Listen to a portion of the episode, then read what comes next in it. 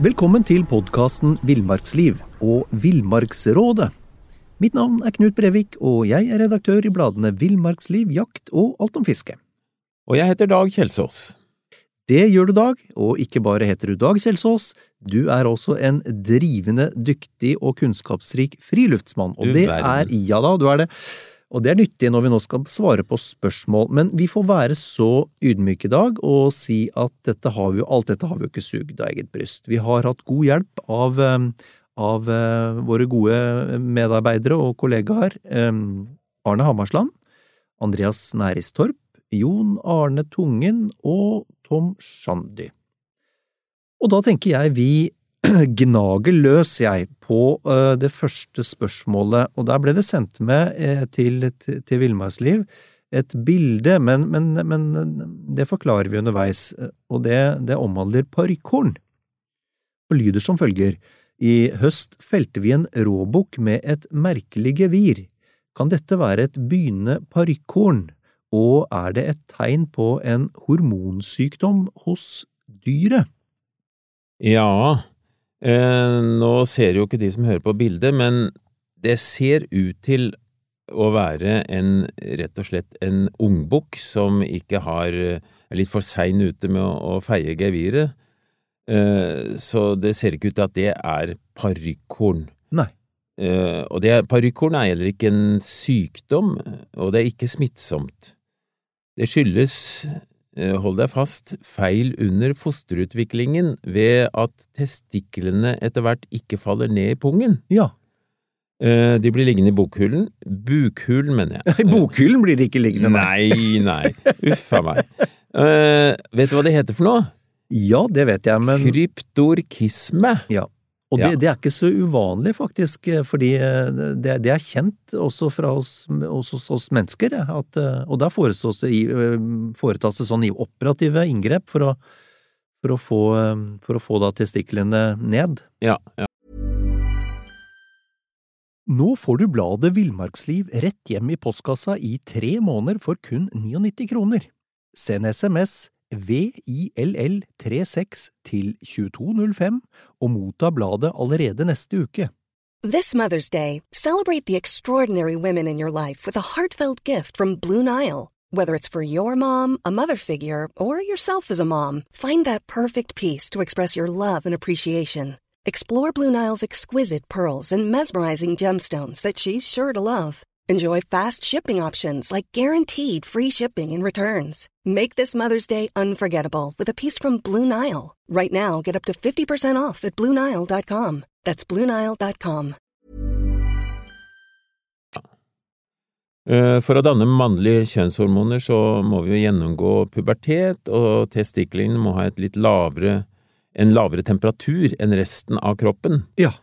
Uh, og hvis vi skal være spøkefulle, Knut, som vi for en gangs skyld kan være nå, bruk ikke for trange underbukser eller kilt, og det bruker du kanskje ikke så mye. Um, kilt er nok, et, um, er nok bedre enn trange underbukser, i hvert fall, for det er jo det skottenes, uh, skottenes lille skjørt. Ja. Jeg bruker ikke kilt, gjør ikke det, men, men, men poenget her er vel egentlig at det er, uh, det er viktig at testiklene har en litt lavere temperatur enn det er Ja. inni kroppen, da. Eh, Når det gjelder disse bukkene vi snakker om, da, så de har nok av man, mannlige veksthormoner, men veksten blir ikke avbrutt, og ge geviret feies ikke dersom det er for lite mannlige kjønnshormoner. Fortsetter gevirveksten uavbrutt, så får da geviret en sånn, ja, skal vi kalle det blomkålaktig utseende, eh, og de kan henge helt nedover øynene. Ja. Eh, og den bukken det er bildet her vil sannsynligvis eh, bare feie geviret på en naturlig måte og ikke ha dette problemet her, da. Akkurat. For øvrig så kan også, også eh, geiter, altså hunnrådyr, få noe som minner om uh, Ja. Og, og, og på det verste så er det jo, er det jo sånn at de, de kan jo Det kan bli så omfattende at de ikke ser noen ting, at de bare stavrer rundt nærmest, Ja, ja. og nesten problem med å holde oppe hodet. Mm. Eh, og, det, og det er, skyldes jo da, som du har vært inne på, at denne, denne, denne veksten slutter ikke. Den bare fortsetter uavbrutt. Ja. Så det er nok ikke noe hyggelig. Ikke noe hyggelig. Eh, Vi går helt over til noe som er din spesialitet, nemlig Obborpilking, Ja, de kaller meg jo Obbormannen. Ja. Eh, Her er spørsmålet. Jeg syns det er veldig artig å pilke obbor på isen, men jeg er usikker på, på hvor tykk sene jeg bør bruke når jeg fisker med balansepilk. Og når jeg fisker med agnfisk, har dere noen tips? Ja. Eh, Senetykkelse det er ofte en smakssak, men, men det er klart hvis du fisker med, med vanlig pilkestikke, så, så vil vi anbefale mono på 028 til 035. Altså vanlig sene. Vanlig sene. Og det er viktig å få satt et skikkelig tilslag, men det er også viktig at, at balansen i, i balansepilken har rett gange i vannet. Så, og hvis du fisker med, med stang og snelle, så vil vi anbefale multifilament 013 til 018. For det skjærer lettere i, i vannet, ikke sant? Skjærer mye lettere gjennom Ja. vannet, og en fortom av, av monosene eller fluorkarbon. Mm. Fortommen den kan godt være 0,25 til 0,40, litt avhengig av om du blir plaga med gjedden eller ikke. Og, og um, til meitestenger så er det, bruk, er det, er det, er det helt ålreit å bruke 0,30 millimeter.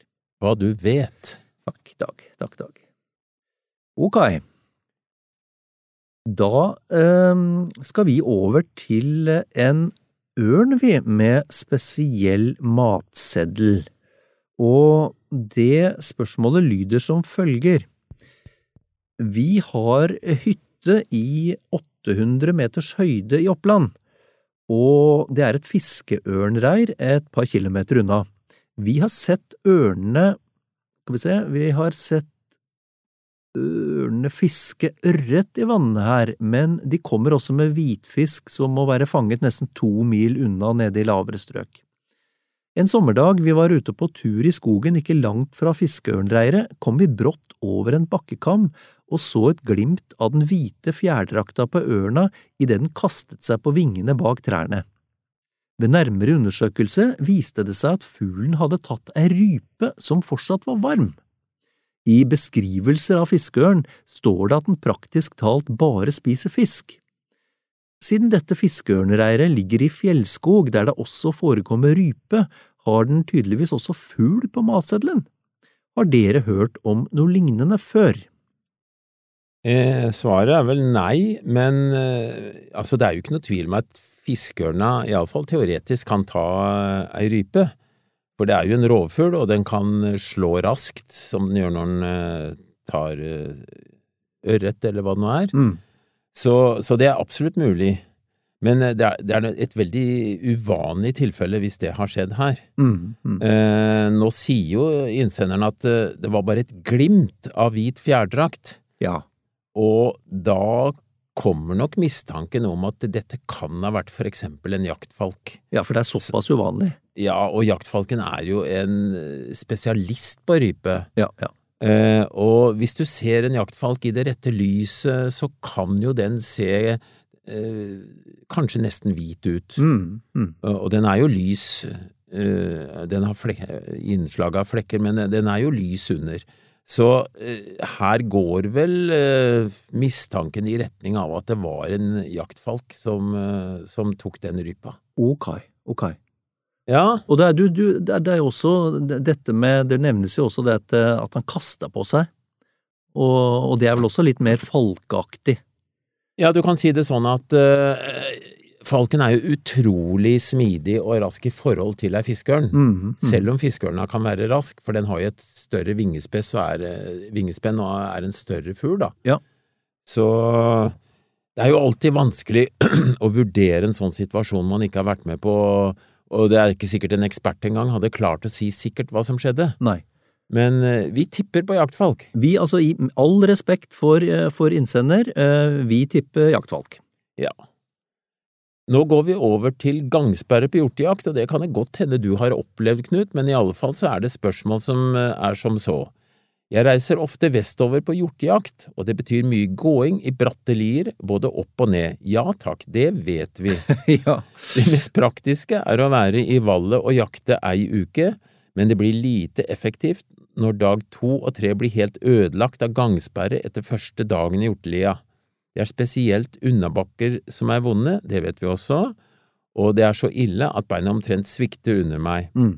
Er det noe jeg kan gjøre for å unngå denne voldsomme gangsperren? kan for eksempel tøying av musklene hjelpe. Noen hevder at stølheten skyldes at muskelfibrene er blitt skadet av den uvante aktiviteten, og da vil vel tøying kanskje bare gjøre vondt verre? Ja, men altså gangsperre det er jo noe mange stifter bekjentskap med iblant. Det, det som er litt forunderlig, er at, at, at, vi vet ikke så mye om denne vanlige reaksjonen, da.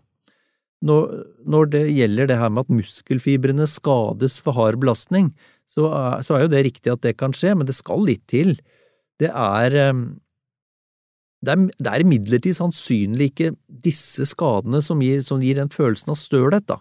Det, det nærmeste vi kommer en forklaring, ved å ha konferert litt med, med folk som kan mer om oss, eh, om det her, det, det er at uvant fysisk aktivitet gir stølhet, og, og tøying vil neppe hjelpe noe sånn vesentlig.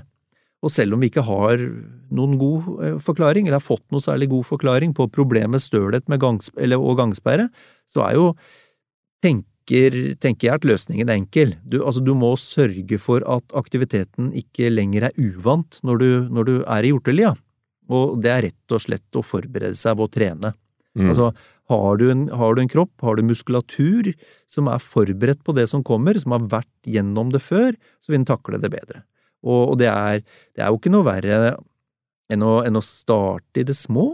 Økter på en halvtime til 60 minutter opp og ned lia bakken noen uker før jakta, så øker du med en tur i uka, eh, eller litt, eh, eventuelt øker litt intensitet, så vil det jo sannsynligvis redusere forekomsten av gangsperre betraktelig. Um, Nå er det vel også et spørsmål hvordan Eh, hva er gangsperre? Hvis du ser på en fuglehund som ikke har trening i det hele tatt, og slipper den på, på jakt, så løper den jo som en gal den første dagen. Ja, ja. Kanskje holder han andre dagen, ja. og tredje dagen så ligger han og ser dum på deg hvis du spør meg øh, om han skal bli med. Fordi han er så sliten, rett og slett, at det ikke går an å bevege seg, og det gjør vondt. Ja. Uh, en annen ting er at det, det, er ganske stor forskjell på mennesker når det gjelder hvor støl du blir etter noe tøft uh, fysisk. Ja. Og så er det litt Jeg tenker det er litt selvfølgelig. Hvis du resten av året sitter stille i en stol, som vi gjør nå, Dag, og, og løper ut 1. Eh, september og skal løpe i, i hjorteline, så er du svakt forberedt. Det er eh, altså det å jakte i bratt og uveis, uveissomt terreng, som, som hjortejakt i line er, det er en hard fysisk øvelse, og da, da må du være forberedt på det. Det er, det er ikke noe verre enn det. Ja, du må nei, trene. Det, det, er virkelig tøft. Nå var vi strenge igjen. La du merke til det? Ble vi strenge? Ja, ja, jeg blir helt redd, jeg. Ja. ok. Uh, vi, er uh, Da går vi rett videre til et annet, uh, annet jaktrelevant spørsmål, vi. Det kan jo i og for seg også være fotografi, men, men det er som følger. Hva, hva gjør jeg feil under elglokking? spør innsender, og, og, og spørsmålet lyder i sin helhet som følger. Et par ganger har jeg lokket elgokser som jeg hører kommer. Oksene har svart på de sikkert ikke perfekte kulydene mine med a-lyd. Jeg hørte det at jeg eh, lokka litt der? Jeg skulle til å si det. jeg har hørt dem på inntil kanskje 200 meters avstand. Likevel dukker de ikke opp på skuddhold. Jeg har sittet i god vind og helt stille, så det han ganske enkelt lurer på, hva er det han gjør feil, Dag? Ja, jeg var ikke der, så jeg kan ikke si det helt sikkert, men jeg har en mistanke. Ja. Eh, og det er at eh, uten mye erfaring med, med, lokking, så vil du være kjempeglad når du hører at det kommer en okse med disse wah-lydene mot deg. Ja. Tenker, jeg, jeg er flink, så jeg fortsetter å lokke. Og det gjør du. Mm. Og så kommer oksen ganske nær, og da bør du stoppe med lokkinga, mm. eller gå over til en helt annen type lokking. Eh, hvis du Du kan si det Jeg pleier å sammenligne med eh, å være på dans, jeg, Knut. Altså, hvis du spør ei jente som sitter på andre sida av dansegulvet, litt unna det. Hei, eh, skal vi danse? Det beste er sikkert å gå bort, men, men om du gjør det på litt avstand, da, og hun nikker, da går du ikke ut på gulvet og roper Hei, skal vi danse? Hei, skal vi danse? Da vil hun tro du er siklende gal. Ja, og det eh, Oversatt til elgspråket så vil nok elgen tro at denne kua er ikke helt trygg, så den får jeg holde meg unna eller finne ut litt mer om. Ja. For eh, min erfaring er at om du loks, lokker som ei brunstig elgku først, så er det en, en høy lyd, sånn syngende lyd, og så er det sånne snøfte kom hit-lyder etterpå. Eh, og når elgoksen er nær nok, så slutter du med de der svære, høye lydene, fordi det er ikke nødvendig å hyle og skrike så fælt, for oksen har jo skjønt hvor du er. Mm. Og du fortsetter ikke å rope da, da sier du bare ok, kom, jeg, jeg vil ha deg. Hvis du tar den tonen, da fortsetter elgoksen å komme mot deg. Eller være helt stille. Eh, et annet alternativ her er at elgoksen har gått rundt for å lukte hvor brunstig kua er, for, å, for de vil forsikre seg om at uh, ting er i orden, at det er ei ku òg. Mm. Og da lukter de uh, ved å gå rundt og få vind fra den som i det tilfellet her lokker, da. Mm. Folk overdriver for mye. Det ja, for... det er, det er, bedre at oksen er nysgjerrig enn at han er skråsikker på at dette er tull og tøys. Ja, ja. Så det er vel det svaret som det går an å gi. Mm.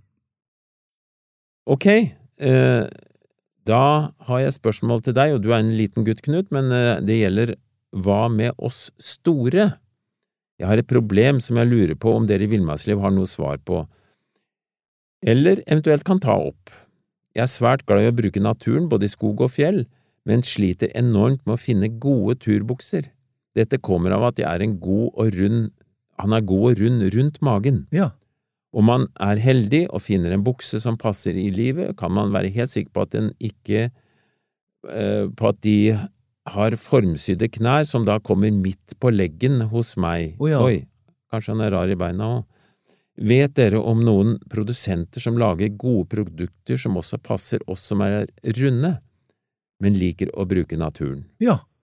Uh, nei, det, det, har nok, det, har nok, blitt sånn at mange av de, mange av de tekstilmodellene som tilbys på markedet i dag, de, det er jo, jo sterkt fasongsydd, og, de har en ganske smal passform. Og det gjelder både bukseraker, så jeg har vel ikke noe fasitsvar til innsenderen, men, men noen tips kan vi jo prøve oss på. Og, og først og fremst så tenker jeg at vedkommende må oppsøke en, en sportsbutikk hvor de har godt utvalg og, og god betjening. Og noen, noen, sportsbutikker har betjening som ikke er spesielt kompetent eller interessert, mens andre har god betjening, og det finner du raskt ut av. Og, og her må du nesten prøve deg litt fram sjøl. Enkelte merker de, de har bukser med buksebein som ikke er ferdig lagt opp. Og her er det meningen at buksebeina skal tilpasses og legges opp etter beinlengden til brukeren. Flere leverandører har bukse som leveres med kort, normal eller lang beinlengde og på, på, disse kan det nok hende at de ikke har alle modellstørrelsene i butikken, men de kan bestille. Og det er litt sånn forskjellen på en interessert og ikke interessert betjening. Um, hvis du i tillegg velger en bukse hvor materialet Nå får du bladet Villmarksliv rett hjem i postkassa i tre måneder for kun 99 kroner. Send SMS VILL36 til 2205 og motta bladet allerede neste uke. Here's a cool fact a crocodile can't stick out its tongue. Another cool fact you can get short term health insurance for a month or just under a year in some states. United Healthcare short term insurance plans are designed for people who are between jobs, coming off their parents' plan, or turning a side hustle into a full time gig. Underwritten by Golden Rule Insurance Company, they offer flexible, budget friendly coverage with access to a nationwide network of doctors and hospitals. Get more cool facts about United Healthcare short term plans at uh1.com. Alle har mye stretch. Da vil jeg tro at, at vedkommende kan finne en bukse som, som er helt ålreit å bruke.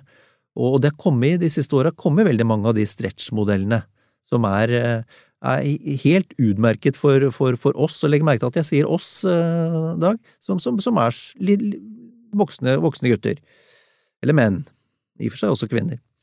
Um, for det er, det er sånn at en del av de største produsentene i jaktbekledning har, har, faktisk sett at det er eh, stadig flere som, som blir eh, litt større enn tidligere, og, og, de har modeller som er tilpassa brukere, eh, som er litt runde.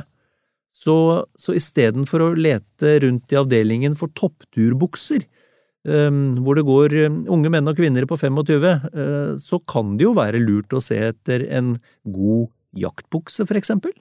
Men, men, mens bruk Bruk, jakt, bruk betjeningen. Spør deg fram, og, og se gjerne etter stretch jakttøy. Det er, det er vårt tips.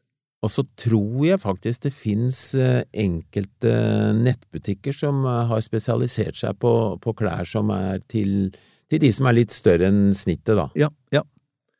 Og, og jeg ser jo det stadig oftere, så er det jo eh, både, både XXL og faktisk XXXL-modeller å få tak i av, av ulikt, eh, spesielt på, på jaktsida, ulikt jakttøy. Mm.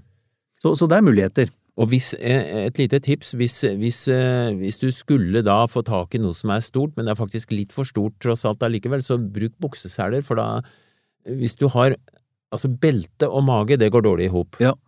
Så bukseseler er et lite knep her, hvis du skulle være så heldig å finne noe som tross alt passer, men er litt for stort, da. Ja, bra tips. Det er litt sånn gammeldags, det, men, men bukseseler er jo ikke noe dum ting, altså. Nei, det, det gjør at du går veldig ledig i klærne, og Ja. det gjør ikke noe om de er litt for store. Nei. Bra. Da er vi over til, eh, til neste besvær, og det er bagasje. Bagasje til besvær. Og det høres sånn ut.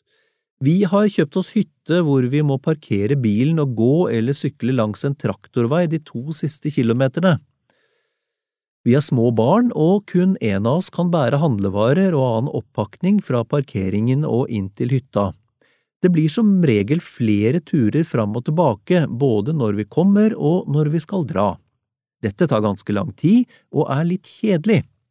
Vi har brukt sykkel noen ganger, men det er ikke spesielt behagelig å sykle med stor og tung sekk, og den ser jeg.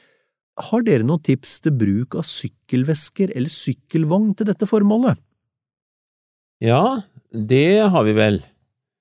Eh, når det gjelder eh, sekker og sykling, nei.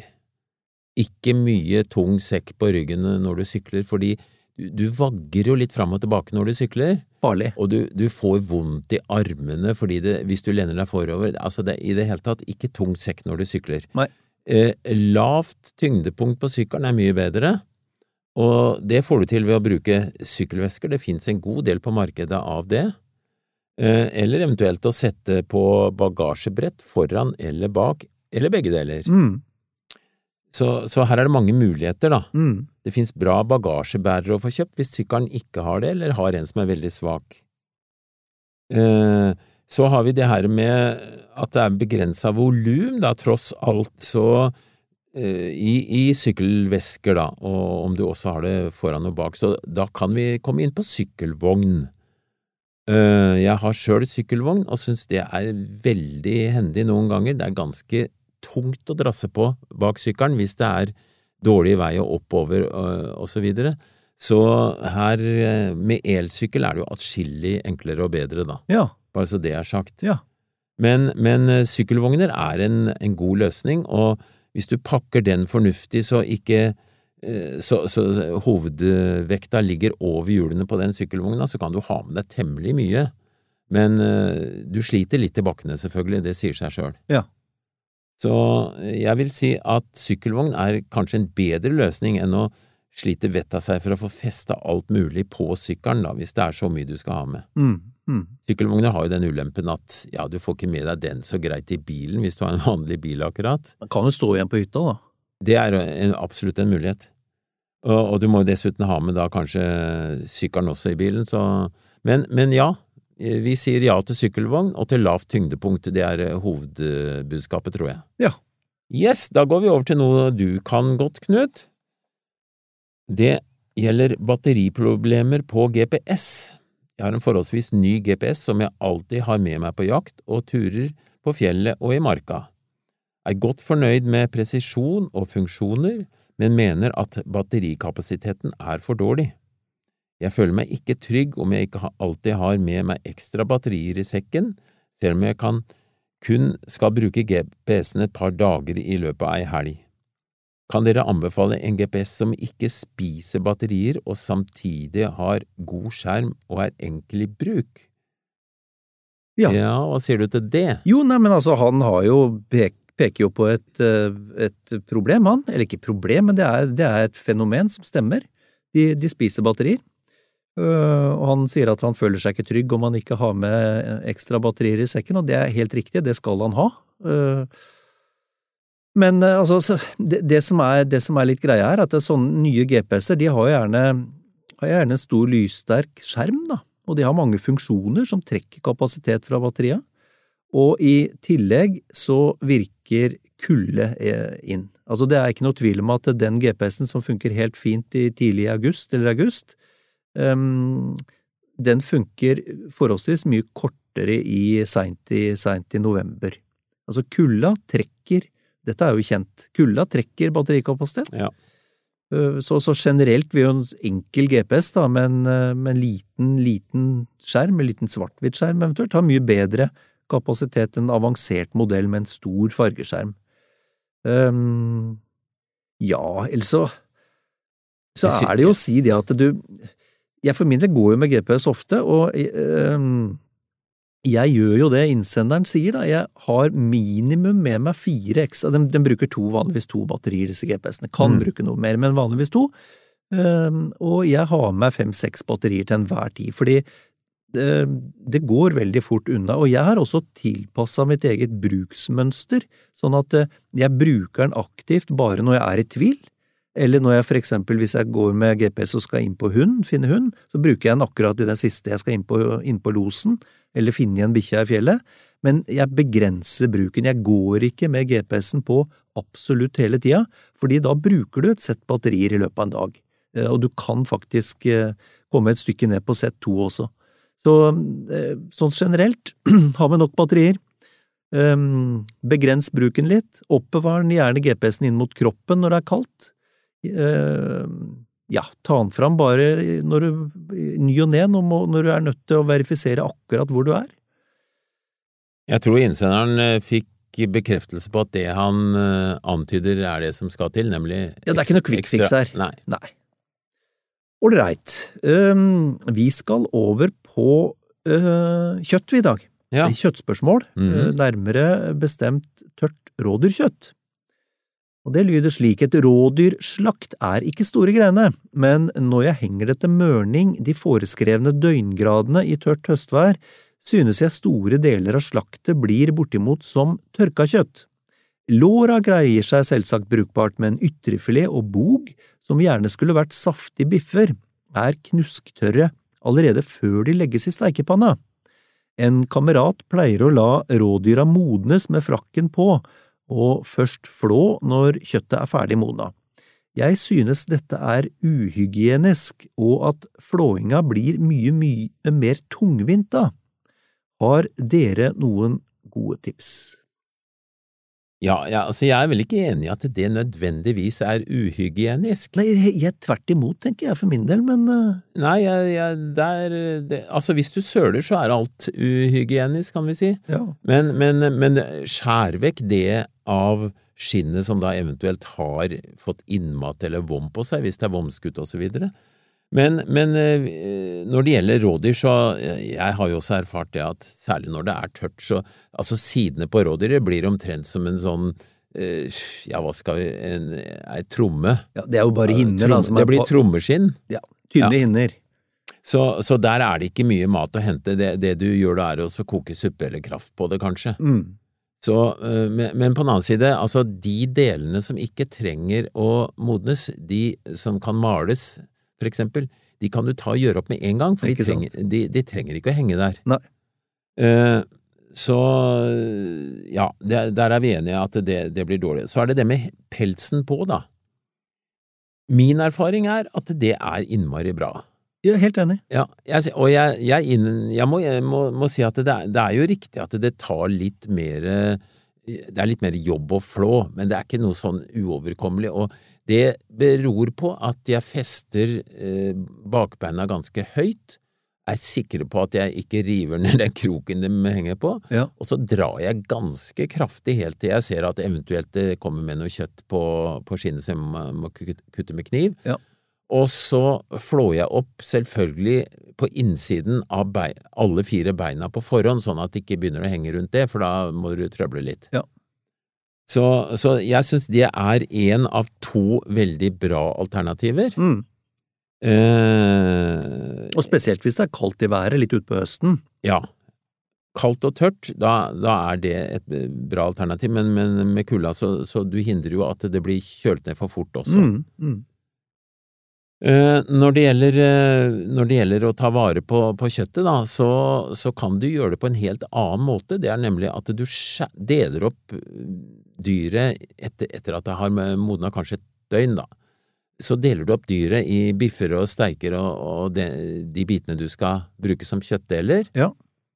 og vakuumpakker de, og så legger det i kjøleskapet til videre modning. Da Smart. slipper du å ha problemer rundt dette med skinnet og, og at det blir eh, tørt og så videre, for da vil du viderebehandle det andre delen av kjøttet, sidene særlig, som da, som da blir eh, tørre. Og så har du full kontroll. Absolutt. Da, da vet du hvor mange grader det er. Så eh, fire plussgrader i to–tre uker før de puttes i fryseren er jo det vanlige, og så må du ha tilsvarende omregning i forhold til om det var varmere før du, før du la det i kjøleskap og så videre, da. Mm, mm. Ja. Bra tips. Ok, så har vi et spørsmål om luktfriprodukter, Ja. om de funker. Eh, skal vi se, i ville vestlandsdaler er det ikke alltid like lett å få kontroll på værtrekken. Det kan blåse jevnt og fint forfra, og bare få minutter senere kan det snu så værtrekken kommer bakfra. Det vet vi. Det stemmer helt. Dette er problematisk når jeg snikjakter hjort på høsten. Det er et visst mønster i galskapen. Enkelte vindretninger er verre når det gjelder kastevinder enn andre. Og det kommer jo an på mm. landskapet, ikke sant? Klart. I jaktområdet mitt er sørlig og sørvestlig vind det verste. De dagene det blåser fra disse retningene, er det egentlig ingen vits i å gå på jakt. Det blir bare tull og frustrasjon. Stemmer det at det finnes produkter og jaktutstyr som gjør at man blir luktfri? Kan dette være løsningen når det blåser fra feil retning? Hva er deres oppfatning, og er det sant at det bare at det er bare markedsføring enda, og av enda noen ubrukelige produkter? Mm. Tja, Ja, det er jo også jeg for bare starte med det. Jeg, jeg, jeg, jeg er skeptisk. Øh, Jeg tror ikke det løser, for å si det rett ut, jeg tror ikke det løser noe problem hvis vindretningen er feil. Um, Men, men, men de første produktene, som skal kalle det luktfri-familien, da, de dukka jo opp i USA på 80-tallet. Og i USA så er luktfri eh, big business. Og det mye fordi avstanden mellom jeger og vilt, for eksempel under buejakt, som de driver mye med i USA, den er jo den er ofte bare 20-30, altså 30 meter er langt, da. Du kan Ja. si 10-20 meter snakker vi avstand de må skyte på. ja. Um, og, og da skal det veldig, veldig lite til for at, uh, for at um, viltet får ferten av det, da. Og, men om, om det virker? Tja, til en viss grad, sikkert. Uh, men så tenker jeg også det er vel en grunn til at produkter som kom på markedet på, i USA for snart 40 år siden, ikke har blitt allemannseie blant norske storviltjegere. Men prinsippene som brukes, det, det er jo i, i, disse, i disse klærne og produktene, det er jo å redusere lukta du avgir ved å bruke spesialsåpe, sjampo, deodorant, tannkrem, og kombinere det med klær som binder duftmolekylen. Da. Det er jo typisk aktivt kull i form av små kullkuler da, som er limt tett i tett på, på stoffet inni drakta. Uh, og det, altså, klærne må jo da oppbevares lufttett når de ikke brukes. Um, men, um, men, men så, så, så, her er altså prinsippet er jo da at eh, kullet at, at, at kullet så slipper duftmolekylene da sugd til seg, da. Um, så jeg veit ikke, så alt i alt så virker det, virker det som de her produktene de reduserer menneskelukta til en viss grad, og kanskje tilstrekkelig til at hjorten muligens ikke får ferten av deg i noen situasjoner, men, eh, men eh, som en sånn ja, jeg tror ikke det er noe, jeg tror ikke det er noe quick fix det her heller. Det er mye styr, mye, mye jobb, og jeg er nesten 100% sikker på at uansett hvor mye eh, luktfri du utstyrer deg med, så lurer du ikke en, verken en elg eller en hjort eller et rådyr eh, med feil vindretning, altså. Vind, det å holde rede på vind, tror jeg er tusen ganger viktigere enn å kjøpe seg en luktfri produkt. Ja, jeg er helt enig. Vi må ta i betraktning at dyra har en usedvanlig god luktesans i forhold til oss. Se på en hund som kan følge et luktspor eh, over sporet fra andre dyr, for eksempel, Ja. og du, du, det kan være røyk, og det kan være masse rare andre ting, men, men hunder klarer å skille ut det ene duftsporet den er ute etter, Ja. og det tror jeg gjelder dyra også. Øh, Jeg har prøvd sånne duftstoffer enkelte ganger, og ikke, jeg har ikke merka at det har hjulpet noe, men det er ikke sikkert jeg har brukt det riktig og så gjennomført som vi snakker om, men, men i utgangspunktet, vinden røper deg. Mm.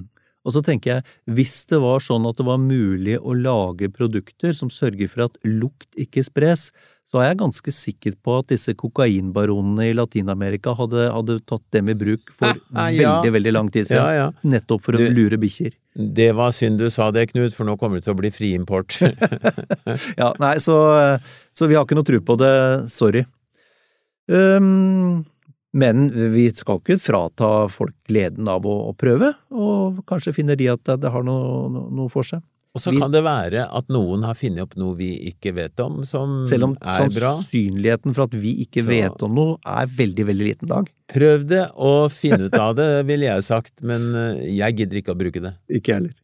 Jeg tror vi ønsker folk en riktig god uke. Det gjør vi. Hei!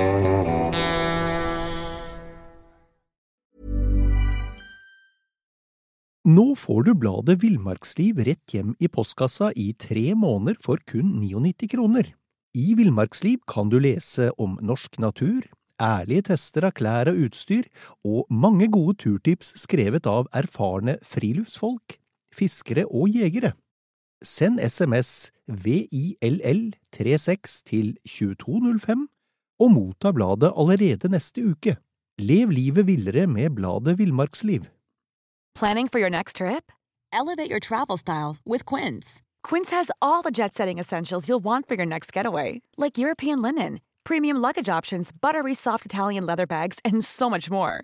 And is all priced at 50 to 80% less than similar brands. Plus, Quince only works with factories that use safe and ethical manufacturing practices.